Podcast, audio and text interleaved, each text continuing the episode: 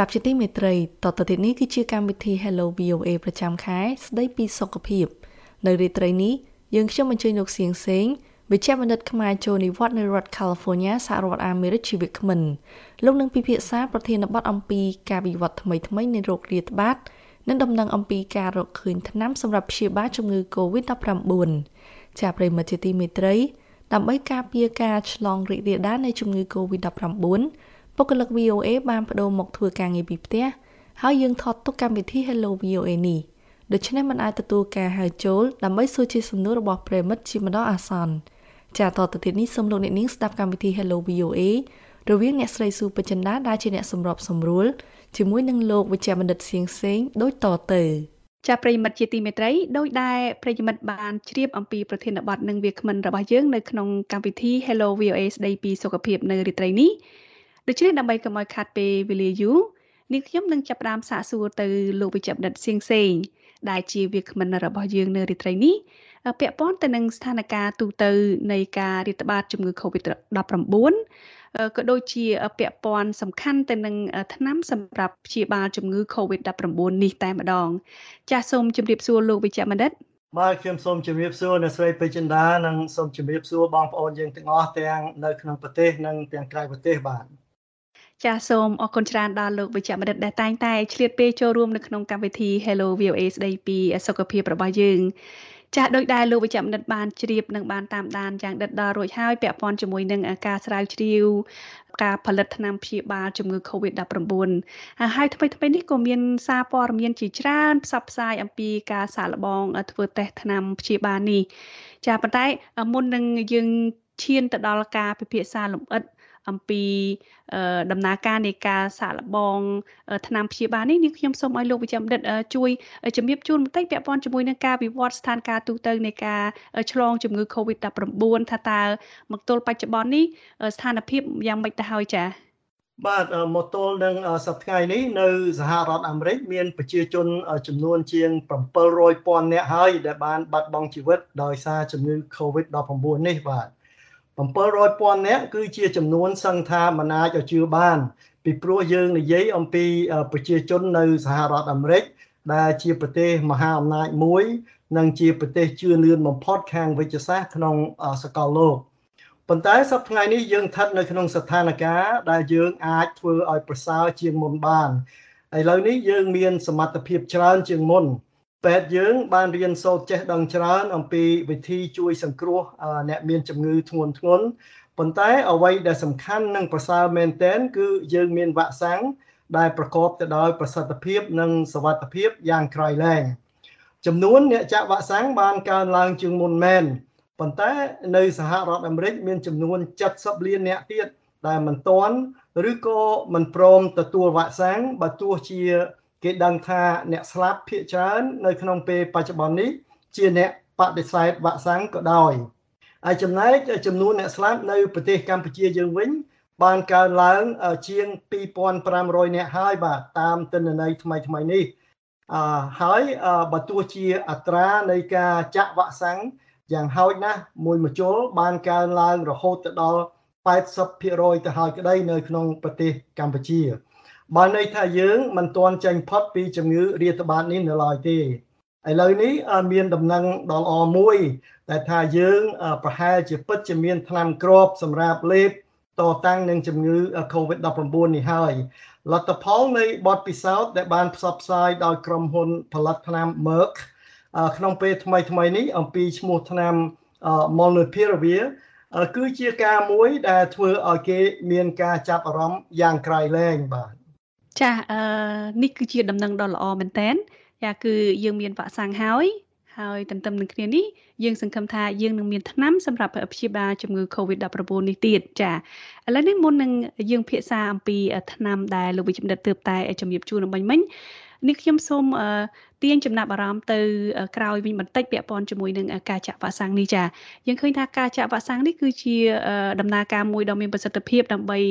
ជួយទប់ទល់នឹងការឆ្លងរាតត្បាតជំងឺ Covid-19 ហើយ មកទល់នឹងពេលនេះដោយដែលលោកវិជ្ជបណ្ឌិតបានជំរាបជូនអញ្ចឹងគឺទាំងនៅក្នុងទាំងនៅសហរដ្ឋអាមេរិកហើយក៏ដូចជាទាំងនៅតាមបណ្ដាប្រទេសផ្សេងផ្សេងទៀតនោះគឺមានចំនួនពលរដ្ឋបានចាក់វ៉ាក់សាំងបានច្រើនប៉ុន្តែយើងមិនទាន់បានទៅដល់គ្រប់ចំនួនដែលយើងចង់ឲ្យបានខ្លាយទៅជាសហគមន៍ដែលមានភាពស្មនោះនៅឡើយទេចាគឺយើងមិនទាន់ឆ្លងទៅដល់នោះហើយយើងកំពុងតែស្ថិតនៅក្នុងដំណាក់កាលនៃការឆ្លងរោគរាតត្បាតនៅឡើយ នេះខ្ញុំសូមឲ្យលោកវិជ្ជបណ្ឌិតជួយជំរាបជូនចេះតកតងជាមួយនឹងការចាក់វ៉ាក់សាំងនេះទៀតសោដោយសារថានៅតាមប្រទេសមួយចំនួនជាក់ស្ដែងដោយសហរដ្ឋអាមេរិកចានៅប្រទេសកម្ពុជា គឺយើងឈានទៅដល់ការចាក់គេហៅថាចាក់វ៉ាក់សាំងដូសជំរុញឬ booster រួចទៅហើយចាគឺមជ្ឈលទី3ឬមួយក៏មជ្ឈលទី2បើសិនតែគាត់ចាក់ Johnson and Johnson តែមួយមជ្ឈលបើសិនជាមានអ្នកខ្លះដែលគាត់ថាងគាត់អត់ទុកចិត្តគាត់ទៅចាក់ ដូសដូសជំរុញរហូតដល់ទី4ឬក៏ទី5ទី6តើតើមានបញ្ហាអីពាក់ព័ន្ធជាមួយនឹងអាចប៉ះពាល់ទៅដល់សុខភាពរបស់គាត់ដែរឬទេចា៎បាទនេះជាសំណួរដែលគួរចាប់អារម្មណ៍មែនទែនខ្ញុំក៏បានទទួលព័ត៌មានជាច្រើនដែរសំណួរជាច្រើន ពីបងប្អូនយើងដែលសួរអំពីបញ្ហានេះសប្តាហ៍នេះនៅក្នុងសហរដ្ឋអាមេរិកនិងជាទូទៅ ក្នុងសកលលោកគឺថាគេមិនអាចគេមិនទាន់អនុញ្ញាតឲ្យចាក់ មកចូលទី4នៅឡើយទេបាទគេឲ្យចាក់ត្រឹមតែមកចូលទី3នៅឡើយទេបងប្អូនយើងខ្លះបានទៅធ្វើគេហៅថា antibody test ហើយ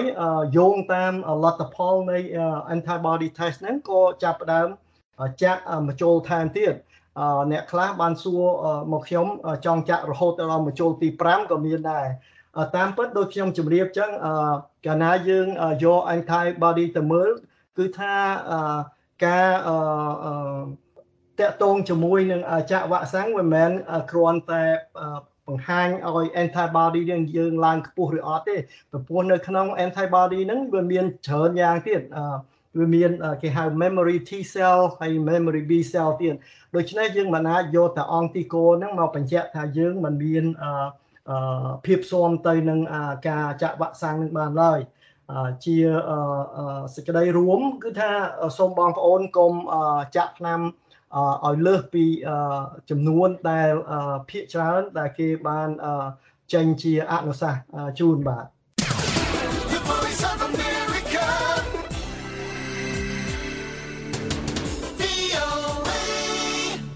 ចាសសូមអរគុណលោកវិជ្ជបណ្ឌិតចាឥឡូវនេះពាក់ព័ន្ធជាមួយនឹងថ្នាំព្យាបាលជំងឺ Covid-19 ដែលលោកវិជ្ជបណ្ឌិត បានជំរាបជូនឈ្មោះថាគឺឈ្មោះ Monopiravir នេះគឺ មានការផ្សព្វផ្សាយជាច្រើនចាហើយក៏ដូចជា មានការចាប់អារម្មណ៍ពីជាច្រើនពីសំណាក់សាធារណជនទៅដល់ការផ្សព្វផ្សាយអំពីព័ត៌មានថានឹងមានថ្នាំព្យាបាលជំងឺ Covid-19 នេះឆាប់ឆាប់ហើយព័ត៌មានមកដល់ពេលនេះដែលជាពេលដែលយើងកំពុងធ្វើការពិភាក្សានេះក៏ក្រុមហ៊ុនដែលផលិតថ្នាំនេះក៏បានស្នើទៅខាងទីភ្នាក់ងារគ្រប់គ្រងឱសថនិងអាហារសហរដ្ឋអាមេរិកដើម្បីឲ្យចេញការអនុម័តប្រើប្រាស់បន្ទាន់នៅឆ្នាំនេះដែរចានេះខ្ញុំចង់ឲ្យលោកវិជ្ជបណ្ឌិតជួយជំរាបជូនថាហេតុអ្វីបានជា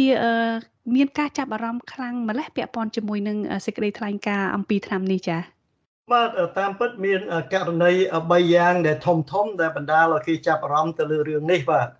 ទី1សូមបញ្ជាក់ថាយើងមានថ្នាំផ្សះជាច្រើនដើម្បីតតាំងនឹងមេរោគដែលពាក្យពេទ្យហៅថាបាក់តេរី ប៉ុន្តែយើងកម្រមានថ្នាំប្រឆាំងនឹង virus ណាស់ជាពិសេសថ្នាំដែលជាគ្រាប់សម្រាប់លេប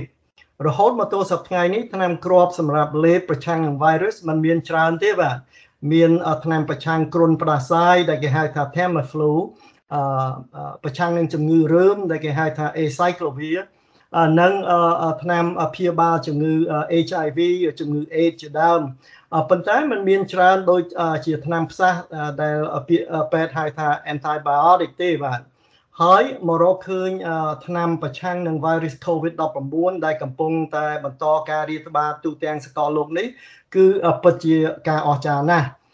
ទី2ម្យ៉ាងទៀតអ្វីដែលសំខាន់គឺថាការស្រាវជ្រាវអំពីថ្នាំនេះបានត្រូវបញ្ចប់ មុនគម្រោងការ បន្ទាប់ពីគេបានសង្កេតឃើញថាប្រសិទ្ធភាពនៃថ្នាំនេះល្អដល់កម្រិតដែលគេចង់ឃើញហើយទី3ទៀតគឺថាពីព្រោះតាមឯកសារនេះគេថាថ្នាំនេះអាចកាត់បន្ថយអត្រានៃការដេកពេទ្យបានខ្ទង់50%បានចាអឺលោកវិជ្ជបណ្ឌិតអាចជួយជំរាបជូនបន្តិចបន្ថែមទៀតអំពីតើអឺគេជ្រើសរើសអ្នកដែលចូលរួមនៅក្នុងការពិសោធន៍អឺ ដើម្បីឲ្យដឹងថាប្រសិទ្ធភាពថ្នាំហ្នឹងមានប្រសិទ្ធភាពកម្រិតណាហ្នឹងតាមរបៀបណាដែរទៅចា៎បាទចំនួនអ្នកចូលរួមក្នុងការស្រាវជ្រាវនេះមាន775នាក់បាទចំនួននេះមិនធំណាស់ណាទេប៉ុន្តែជាចំនួនដែលសមហេតុសមផលដែរសូមបញ្ជាក់ថាបំណងនៃការស្រាវជ្រាវគឺចង់បានចំនួនអ្នកចូលរួមឲ្យបានដល់ទៅ1550នាក់ប៉ុន្តែដោយខ្ញុំបានជម្រាបពីខាងលើ បទពិសោធន៍នេះត្រូវបានផ្អាកដោយសារលទ្ធផលនៃប្រសិទ្ធភាពរបស់ថ្នាំនេះវាគួរប្រសើរដល់កម្រិត ដែលគេមិនបាច់ឲ្យមានការបន្តស្រាវជ្រាវនេះតទៅទៀតទេលក្ខខណ្ឌក្នុងការជ្រើសរើសអ្នកចូលរួមក្នុងការសិក្សានេះមានច្រើនបាទទី1គេជ្រើសរើសយកតែអ្នកដែលមិនទាន់បានចាក់វ៉ាក់សាំងបង្ការនៅឡើយទី2គេយកតែអ្នកណាដែលមិនទាន់បានចូលដេកពេទ្យនៅឡើយ ទី3គេមិនយកអ្នកមានផ្ទៃពោះឬកូនក្មេងឲ្យចូលរួមទេហើយទី4គឺថាអ្នកទាំងនោះយ៉ាងហោចណាស់ក៏ត្រូវមានកតាហានិភ័យមួយដូចជាមានអាយុច្រើនជំងឺធាត់មានជំងឺលើសឈាម ជំងឺបេះដូងឬក៏ជំងឺសួតជាដើមបានន័យថាអ្នកទាំងនោះមានហានិភ័យខ្ពស់ជាង អ្នកមានសុខភាពធម្មតាហើយម្យ៉ាងទៀតគេរើសយកតែអ្នកណាដែលមានតេស្តវិជ្ជមាន បញ្ជាក់ថាពួកគេមានជំងឺ Covid ពីស្រាលទៅមធ្យមបានចាចុះសម្រាប់ការសិក្សាអំពីថ្នាំនេះដែរតើគេធ្វើតាមវិធីណាខ្លះទៅហើយតើគេតាមដានអ្នកដែលយកមកធ្វើការពិសោធន៍នឹងតាមរបៀបណាដែរចា៎ បាទការសិក្សានេះគឺជាការសិក្សាដែលពាក្យពេទ្យគេហៅថា randomized placebo controlled double blind multi site study បានន័យថាជារបៀបសិក្សាដ៏ល្អដែលគេនិយមជាងគេដើម្បីឲ្យបានលទ្ធផលជាក់លាក់និងពិតប្រាកដគេចែកអ្នកចូលរួមក្នុងការពិសោធន៍នេះទៅជា2ក្រុមបាទ ក្រុមទីក្រុមដែលទទួលថ្នាំពិតប្រាកដបានន័យថាថ្នាំ Molnupiravir និងក្រុមដែលទទួលថ្នាំคล้ายคล้ายឬក៏ពាក្យយើងហៅថាថ្នាំបញ្ឆោតដែលពាក្យពេទ្យគេហៅថា placebo នៅក្នុងបទពិសោធន៍នេះគឺគេចាប់ផ្ដើមធ្វើការព្យាបាលអ្នកដែលចាប់ផ្ដើមមានរោគសញ្ញាពីថ្ងៃទី1ទៅថ្ងៃទី5បានន័យថាគេយកតែអ្នកដែលទៅនឹងមានជំងឺថ្មីថ្មីឈឺមិនលើសពី5ថ្ងៃទេបាទ អឺបានន័យថាបំណងនៃការស្រាវជ្រាវគឺត្រូវចាប់ផ្ដើមប្រើថ្នាំនេះឲ្យបានទាន់ពេលវេលា ដើម្បីកាត់បន្ថយចំនួន virus នៅក្នុងខ្លួនអ្នកជំងឺឲ្យបានភ្លាមភ្លាមដើម្បីកុំឲ្យជំងឺនេះវិវត្តទៅជាធ្ងន់ធ្ងររហូតទៅដល់សម្រាប់ក្នុងមន្ទីរពេទ្យរួចហើយគេបន្តធ្វើការសង្កេតនិងតាមដានជំងឺនេះរហូតដល់29ថ្ងៃក្រោយមក សូមបញ្ជាក់ថាការសិក្សានេះបានធ្វើឡើងនៅក្នុងប្រទេសជាច្រើន ហើយនៅក្នុងទ្វីបផ្សេងផ្សេងទៀតមានទ្វីបអាមេរិកអាស៊ីអឺរ៉ុបជាដើមទាំងអស់មានរហូតទៅដល់23ប្រទេសបាទចាចុះចំណែកលទ្ធផលនៃការសិក្សានេះយ៉ាងម៉េចដែរចាតាលោកវិជ្ជបណ្ឌិតបានជំរាបជូនពីដើមថាមានលក្ខណៈគប់ប្រសើរចាអឺលោកវិជ្ជបណ្ឌិតអាចជួយជំរាបជូនបន្ថែមតិចទៀតទេថាតើមានប្រសិទ្ធភាពយ៉ាងណាខ្លះទៅក្នុងការព្យាបាលជំងឺ Covid-19 នេះចា៎ បាទលទ្ធផលនៃការសិក្សាគឺថាខាងក្រមដែលទទួលថ្នាំពិតប្រាកដអត្រាចូលដេកពេទ្យមានតែ7.3%ទេបាទហើយចំនួន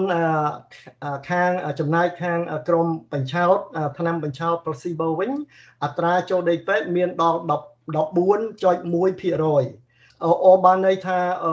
អ្នកដែលបានខាងទទួលថ្នាំមែនតែនគឺថា អាចកាត់បន្ថយការចូលដេកពេទ្យបាន50%ទៅពោះ7%និង14%ម្យ៉ាងទៀតនៅខាងក្រមដែលទទួលថ្នាំពិតប្រាកដគឺថាគ្មាននរណាស្លាប់ទេបាទហើយចំណាយខាងទទួលថ្នាំបញ្ឆោតវិញគឺថាអ្នកស្លាប់មានចំនួន8នាក់ដូច្នេះបានន័យថាប្រសិទ្ធភាពថ្នាំនេះគឺល្អហើយម្យ៉ាងទៀតគេបានរកឃើញថាថ្នាំនេះគឺថា កាត់បន្ថយហានិភ័យនៃការចូលមន្ទីរពេទ្យនិងការស្លាប់ទាំងគ្រប់ក្រុមទាំងអស់បាទទាំងក្រុមខាងមានរោគបេះដូងទាំងក្រុមមនុស្សធាត់ទាំងក្រុមមានរោគលើសឈាមបានន័យថា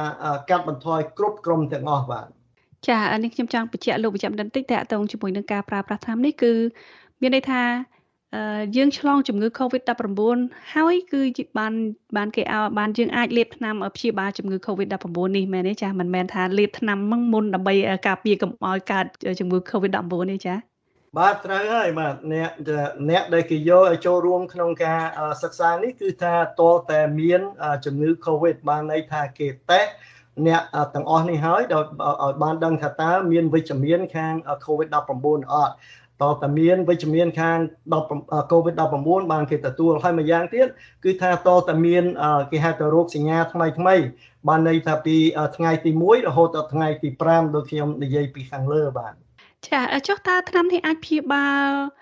វីរុសបំផ្លាញថ្មីដែលឥឡូវនេះកំពុងតែឆ្លងរាតត្បាតខ្លាំងគឺវីរុសបំផ្លាញប្រភេទ Delta នេះតើអាចព្យាបាលបានដែរទេចា៎ បាទនេះក៏ជាសំណួរដែលគួរឲ្យចាប់អារម្មណ៍មែនទែនជាពិសេសនៅពេលយើងមានវ៉ៃរុសបំផ្លាញខុសៗគ្នាជាច្រើន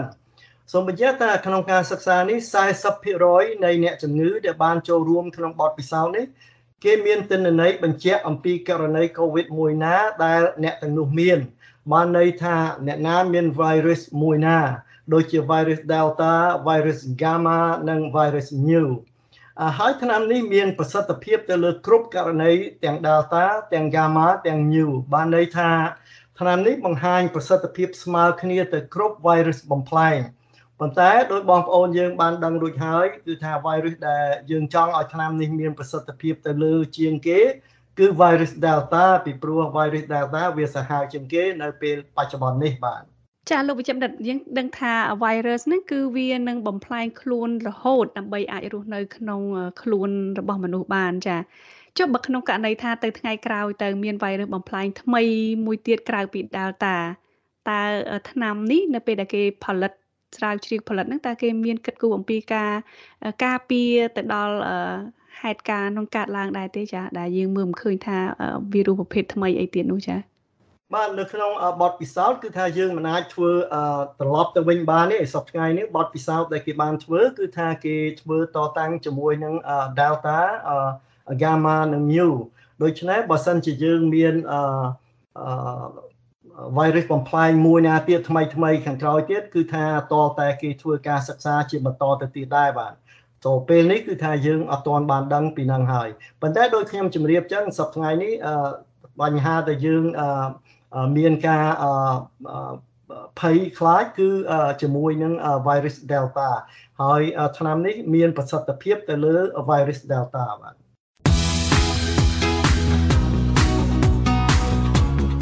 លោកអ្នកនាងកំពុងតែស្ដាប់កម្មវិធីផ្សាយរបស់ VOA ពីរដ្ឋធានី Washington ចាយើងបារម្ភអំពីពាក់ព័ន្ធជាមួយនឹងសវត្ថភាពនៃការប្រើប្រាស់ទាំងថ្នាំទាំងវ៉ាក់សាំងនិងនឹងការព្យាបាលអ្វីផ្សេងទៀតចា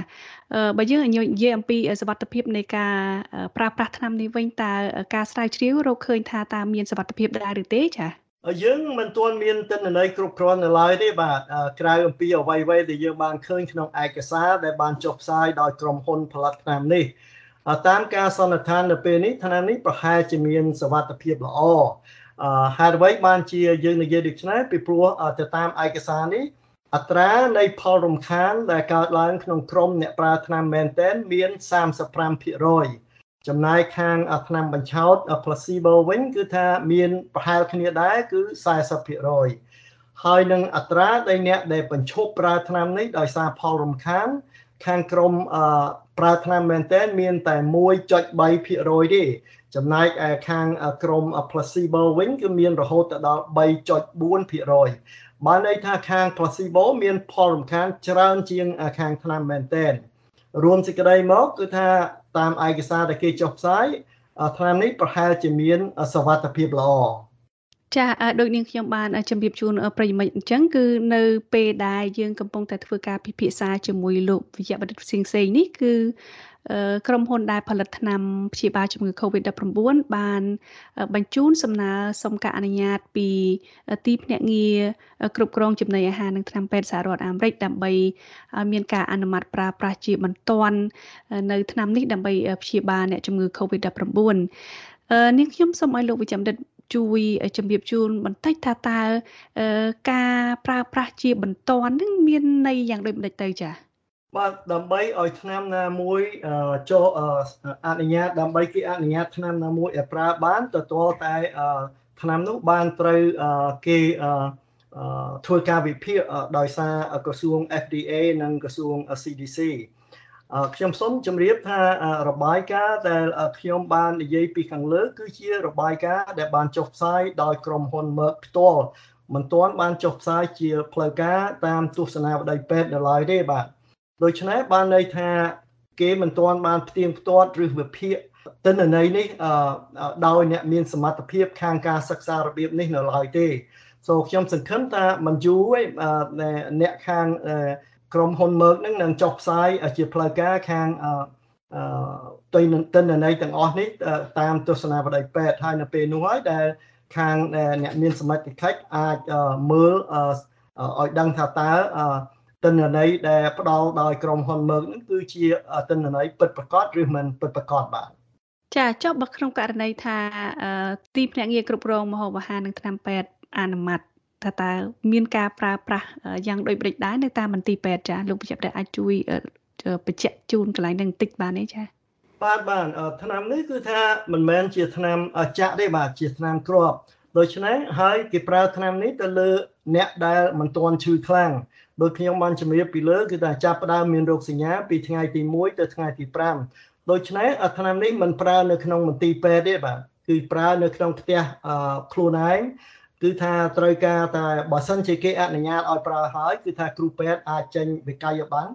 ឲ្យថាតើឆ្នាំនេះបើកឆ្នាំឲ្យអ្នកនោះហើយអ្នកនោះអាចទៅខាង pharmacy ឲ្យទទួលឆ្នាំហ្នឹងយកទៅប្រើនៅផ្ទះខ្លួនឯងបានពីព្រោះទី1អ្នកជំងឺហ្នឹងគឺនៅមានជំងឺស្រាលហើយទី2ឆ្នាំនេះជាឆ្នាំគ្រាប់លេបហើយត្រូវលេបអឺមួយថ្ងៃពីរដងសម្រាប់តែពេលតែ5ថ្ងៃទេបាទ ចាអឺលោកវិជ្ជបណ្ឌិតបានជំរាបជូនពីខាងដើមពាក់ព័ន្ធជាមួយនឹងការធ្វើតេស្តសាកល្បងថ្នាំព្យាបាលជំងឺ Covid-19 នេះដោយគេមិនបញ្ចូល កូនក្មេងនិងស្ត្រីមានផ្ទៃពោះបើសិនជាមានការអនុញ្ញាតឲ្យប្រើប្រាស់ថាតើឆ្នាំនេះមានសវត្ថភាពដែរឬទេសម្រាប់ស្ត្រីមានផ្ទៃពោះឬក៏អ្នកដែលត្រូវបំបើទឹកដោះគោនោះឬក៏កូនក្មេងចាមានប្រសិទ្ធភាពសម្រាប់ពួកគាត់ដែរឬទេចាបើសិនជាគេអត់យកពួកគាត់បញ្ចូលទៅក្នុងដំណាក់កាលនៃការសាកល្បងនោះចា បាទដោយសារលក្ខខណ្ឌរបស់ការសិក្សានេះគេមិនអនុញ្ញាតឲ្យអ្នកមានផ្ទៃពោះឬក៏ចង់បំបើកូនដោយចង្ដោះឬកូនក្មេងប្រើចូលរួមក្នុងកម្មវិធីសិក្សានឹងបានដូច្នេះបានន័យថាគេមិនអាចសន្និដ្ឋាន បានថាតើឆ្នាំនេះអាចមានសវត្ថភាពល្អទៅអ្នកមានផ្ទៃពោះកូនក្មេងឬក៏អ្នកបំណងដែលនឹងមានផ្ទៃពោះបានទេបាទ ដូច្នេះបានន័យថាយើងមិនទាន់មានទិន្នន័យតាក់ទងទៅនឹងសំណួរចម្លើយទៅនឹងសំណួរនេះនៅឡើយទេបាទចាជាចុងក្រោយតើលោកវិជ្ជបណ្ឌិតមានអ្វីជាការបន្ថែមទៀតទេតាក់ទងជាមួយនឹងថ្នាំព្យាបាលជំងឺ Covid-19 នេះចាយោងតាមព័ត៌មានខាងលើ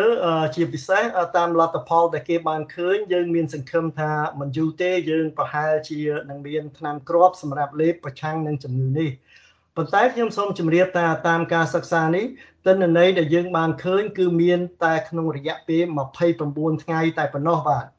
បើន័យថាយើងមិនទាន់អាចដឹងថាក្នុងរយៈពេលវែងទៅថ្ងៃមុខតើថ្នាំនេះអាចបណ្ដាលឲ្យមានផលអាក្រក់យ៉ាងណាយ៉ាងណានៅឡើយទេម្យ៉ាងទៀតតើថ្នាំនេះអាចបណ្ដាលឲ្យមានភាពពិការដល់ទារកក្នុងពោះឬអត់យើងក៏មិនបានដឹងដែរពីព្រោះគេមិនអនុញ្ញាតឲ្យអ្នកមានផ្ទៃពោះចូលរួមក្នុងបទពិសោធន៍នេះ ម្យ៉ាងទៀតតម្លៃនៃថ្នាំនេះគឺវាថ្លៃហួសកំណត់បាទ700ដុល្លារក្នុងវគ្គព្យាបាលសម្រាប់មនុស្សម្នាក់ម្នាក់បានន័យថាបងប្អូនយើងมันមានលទ្ធភាពទៅទិញថ្នាំនេះប្រើបានទេបាទដូច្នេះអ្វីដែលសំខាន់ក្នុងការជួយយើងក្នុងបច្ចុប្បន្ននេះគឺនៅតែដដែលបាទគឺចាក់វ៉ាក់សាំងនិងពាក់ម៉ាស់បាទ ចាសសូមអរគុណច្រើនលោកវិជ្ជបណ្ឌិតសៀងសេងដែលបានជម្រាបជូនពាក់ព័ន្ធជាមួយនឹងការវិវត្តថ្មីថ្មីនៃការរាតត្បាតជំងឺ Covid-19 ក៏ដូចជា ដំណឹងនៃការព្យាបាលជំងឺ Covid-19 ដោយប្រើប្រាស់ថ្នាំព្យាបាលដែលមានការផ្សព្វផ្សាយនាពេលថ្មីថ្មីនេះហើយយើងសង្ឃឹមថាការរកឃើញថ្មីថ្មីនឹងមានក្នុងពេលឆាប់ៗនេះដើម្បីអាចជួយទប់ស្កាត់ ក៏ដូចជាព្យាបាលជំងឺ Covid-19 ដើម្បីឲ្យពិភពលោករួចចាកផុតពីរោគរាតត្បាតនេះចា៎ដោយសារតែពេលវេលាមានកំណត់នាងខ្ញុំសូមជម្រាបលាលោកវិជ្ជបណ្ឌិតតែត្រឹមនេះហើយយើងនឹងមកជួបប្រិយមិត្តម្ដងទៀតនៅខែក្រោយចា៎សូមជម្រាបលាលោកវិជ្ជបណ្ឌិតចា៎បាទសូមជម្រាបលាបាទ